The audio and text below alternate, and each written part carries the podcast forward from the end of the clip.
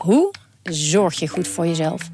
In de podcastserie Zorg voor Leefkracht ga ik op zoek naar het antwoord op die vraag. Ja, dan gaan de huid in je tanden gaan loszetten en de huid in je wangen gaan loslaten. Omdat toen bleek dat ik inderdaad uh, vitaminetekort had. Een lichte vorm van scheurbuik. Huh? Een vitaminetekort? Een scheurbuik? Wil jij weten hoe dit afloopt en wat je hiervan kan leren? Ga naar aflevering 13 van de podcastserie Zorg voor Leefkracht en luister.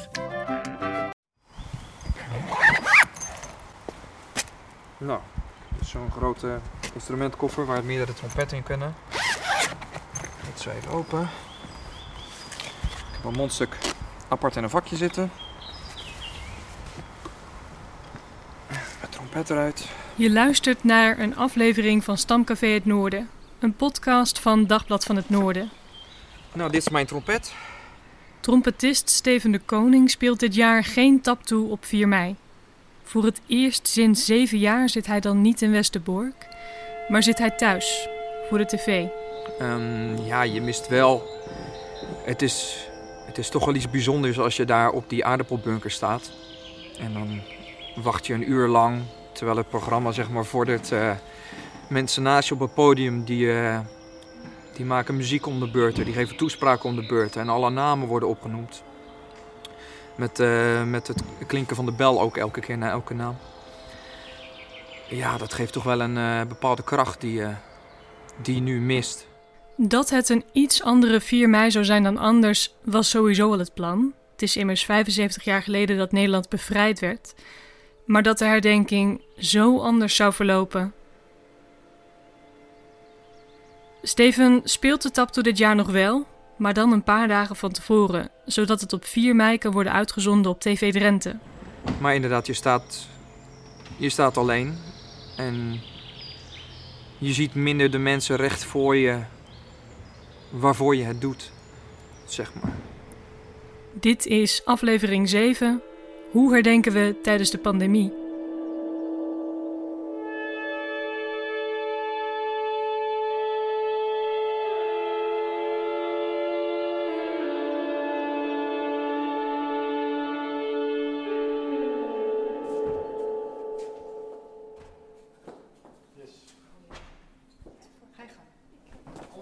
Het museum van herinneringscentrum Kamp Westerbork is gesloten, maar omdat verslaggever Sander Dekker en ik directrice Gerdien Verschoor graag willen interviewen, mogen we bij uitzondering naar binnen. Het is uh, heel vreemd uh, als directeur in deze tijd, omdat je. Uh, je hebt als opdracht te herinneren, te herdenken en aan het publiek het verhaal te vertellen van Westerbork. Mm -hmm. En dat kan allemaal niet. Dus de essentie waar je voor bent, daar kun je niet, uh, geen invulling aan geven. Mm -hmm. En dat is uh, naar en heel ongemakkelijk. Uh, juist in 2020. Ja. Een jaar waarin we zoveel op stapel hadden staan. Waarin we ook zoveel wilden delen met overlevenden en nabestaanden. Vanwege 2020 zou het het drukste jaar in decennia uh, worden. Ja. Februari was al de drukste februari maand uit onze geschiedenis. In en toen was het pas februari. Ja. ja. ja. Dat besef dat alle belangrijke herdenkingen van deze periode zouden moeten worden afgelast, kwam langzaam. Directrice Verschoor weet nog dat het in maart begon met een telefoontje van de archeoloog met wie ze had afgesproken. Hij zei: Gerdien, ik kan niet komen, want ik kom net uit Italië en ik ben in quarantaine gezet. Uh, want ik zat in het gebied waar corona heerst. Dat zoiets, hm, corona in Nederland. Maar toen begon het al een beetje te, hè, toen begonnen al de eerste berichten daarover. En toen hadden we donderdag en vrijdag hadden we hier een tweedaagse met het netwerk oorlogsbronnen. En op de tweede dag kwam er steeds berichtgeving over uh, corona.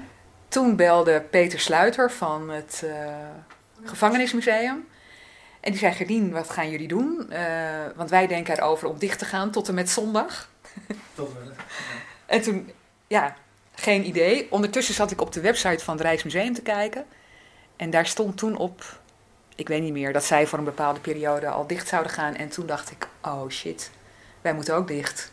En toen hebben we besloten dat we ook uh, ja. zouden moeten sluiten. Een moeilijk besluit dat gelukkig iedereen direct begreep. Verschoor belde voor ze het besluit nam eerst nog met een paar nabestaanden en overlevenden.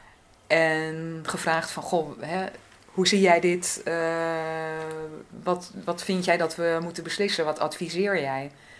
En toen zeiden ze, ja, van mij, wat mij betreft mogen jullie door laten gaan, maar ik kom niet.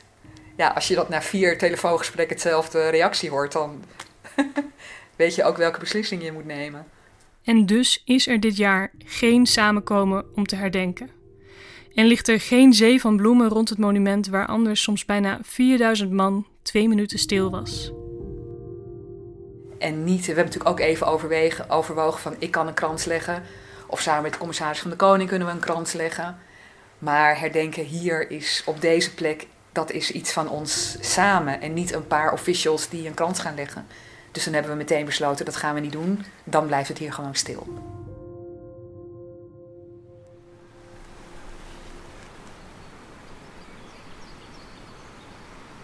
Wij waren in Hogeveen, bij, bij familie, kleinkinderen op bezoek. En we dachten, oh, we gaan nog even in Hooghaal even wandelen. Oh, dus gewoon uh, eigenlijk eventjes de natuur in. Ja, precies. Ja, maar ook ja. wel even echt daarna hierdoor. Dat niet eerst opzet. Nee, maar toen we hier vlakbij waren, we zijn hier uh, misschien een half jaar geleden via het Drentepad ook komen wandelen. Dat loopt hier langs doorheen. En uh, ja, we vonden het nu in deze tijd wel even mooi om hier dit net even voor 4, 5 mei nog een keertje te doen. Nu we er zo vlakbij waren. Dit zijn Herman en Astrid en ze maakten net een wandeling langs het monument. Herman kent het herinneringscentrum en het kampterrein nog van vroeger. Hij komt uit de omgeving en is hier bekend. Maar voor Astrid is het nieuw en indringend. Ja, maar ik kom hier voor de tweede keer. En uh, ik kom hier niet vandaan uit Drenthe, dus dat is verschil. Ja. Dus dan beleef je het anders. Voor u is het zwaarder? Ja, en mooi ook wel. En ja, ook zwaar. Ja. ja, gewoon als je eraan denkt wat hier gebeurd is. Ja. ja. Gewoon vreselijk. Ja.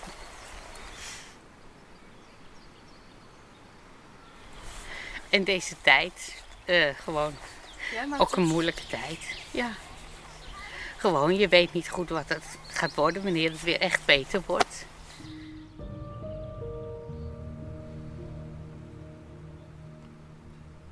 Herman en Astrid zijn niet de enigen die rondlopen op het voormalig kampterrein van Westerbork. Sommige echtparen wandelen met een hond. Er zijn wat gezinnen. Op de bielse van het spoormonument doet een kleuter hinkstapsprong. Het meisje draagt een felroze jas. Achter haar steken de sporen omhoog, wijzend naar de lucht. In het rechte spoor hangt een klein takje van een eikenboom. Zo'n 20 meter verderop kijkt een ouder echtpaar naar dit tafereel. Ze zitten op een bankje en zien het roze jasje alweer over het spoor springen en naar haar vader huppelen. Nou, 4 mei zit er aan te komen. Hè? 4 mei mag er eigenlijk niks. Dus uh, ja, ik heb best zoiets van uh, bevrijdingsfeest is en, en bevrijdingsdag en herdenken uh, van de oorlog. Dat, dat valt wat in het water bij wijze van spreken als je dit niet kunt beleven. Dus uh, dat is eigenlijk wel de hoofdreden dat we zeggen, nou we gaan hier toch nog graag even naartoe. Wat ik er ook heel mooi bij vind is zeg maar, het ontwaken van de natuur. Dus ik weet niet of jullie bij het kopse eind gekeken hebben, maar daar heb ik net een eikentakje genomen. En heel, van nu? heel bewust zo van, uh, je moet je voorstellen dat je hier zit en het voorjaar begint. Hè? Albert heet de man die je hoort. Zijn stem wordt wat overstemd door de vele vogels. Ik hoop dat je hem goed kunt verstaan. Elk jaar komt hij hier op 4 mei naar herinneringscentrum Kamp Westerbork. Samen met zijn vrouw. Als het stil is om 8 uur, twee minuten stilte, dan vind ik het geweldig dat dan de merel zingt. Dat is zo indrukwekkend. Hè? En voor mij is het ook het beeld, los van wat hier ook allemaal gebeurd is, en het is natuurlijk dramatisch. Maar dat toch zoiets hebt, er zit altijd weer ergens een stukje hoop. natuur houdt zich nooit in. Gelukkig. Dat geldt nu ook in coronatijd. Dus we zeggen, god, wat kun je nog een stuk uh, beleven van iets wat wel doorgaat. Dat is geweldig. Dus jullie zijn hier heel bewust naartoe gegaan? Ja. Ja. Ja, zo rond 4 mei moet ik hier sowieso komen. 4 mei staat hier barstensvol, hè. 5 mei, zit je hier alleen. Moet je vooral een uur of zes of zo gaan. En dan liggen er, alles ligt vol met bloemen. En nou ja, als je, ja, iets, als je iets wilt voelen van, wat is dit? Wat een gekke wereld was het toen. Dat het nog steeds uit denken. Ja, dat is ook wel uh, sterk. Gelukkig. Dat is iets wat Albert vaker deed. Dan kampeerde het gezin vlakbij, stapte hij ochtends vroeg in de schemering op zijn fiets en dan zag hij hier de zon opkomen. Naast een zee van bloemen rond het monument. Maar dat heb ik voor een deel ook. Hè. Aan de ene kant zit zeg maar, het denken in die uitbundigheid. Maar ik vind herdenken als je alleen bent op zo'n plek, dan komt het nog harder binnen. En, uh, nou ja, dat vond ik wel buitengewoon een bijzondere moment. Dan ga je daarna het feest in, hè, 5 mei. Maar denk jongens, 4 mei is nog net niet afgelopen. Dat dat maar in 5 mei inloopt. Bedankt. Ja. Jullie mogen ook eerst.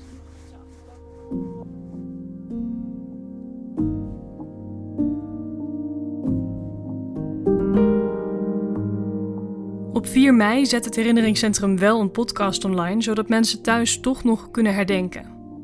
In de opname komen kampoverlevers en nabestaanden aan het woord, die anders bij de herdenking zouden spreken. De 81-jarige Lies Carranza bijvoorbeeld. Veel van haar familieleden werden via Westerbork gedeporteerd naar concentratiekampen in Polen. Haar moeder overleefde Auschwitz, maar haar grootouders en haar geliefde neef werden omgebracht in Sobibor. Zij zelf zat als kind ondergedoken.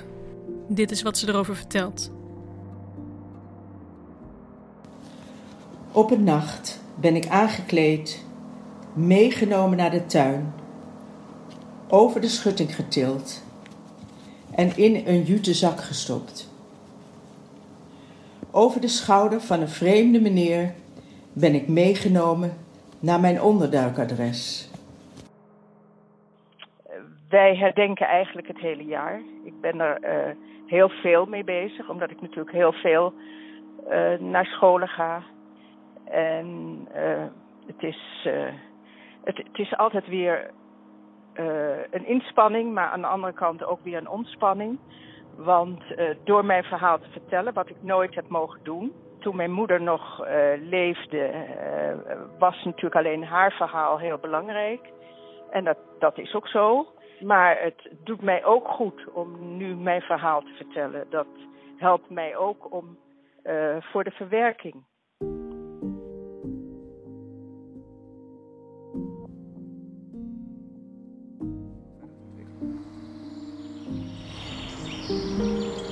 Zijn er wel eens momenten waar je het stuk speelde dat, dat je zag dat, dat je de emotie om je heen zag? Ja, eigenlijk altijd. Eigenlijk altijd. Wat zie je dan? Um, ja, je ziet mensen als het ware aan je lippen hangen. Zeg maar. Dit is weer Steven de Koning die je hoort, de trompetist. Mensen weten, mensen kennen het signaal en ze weten eigenlijk wat er komt. En ja, toch, toch pakt het ze vaak wel. Ook in combinatie met, uh, uh, met de situatie op dat moment. Dus bijvoorbeeld met de herdenking. Mensen denken veel terug aan de vreselijkheden die zijn gebeurd. En um, en, en ja, wat ze misschien zelf zijn verloren en wie ze misschien zelf zijn verloren. Ja, je ziet soms um, ernstige gezichten of een traan of, um, of een hand naar de borst. Ja, dat is, dat is sowieso prachtig om, uh, om zoiets betekenisvols voor iemand te kunnen doen.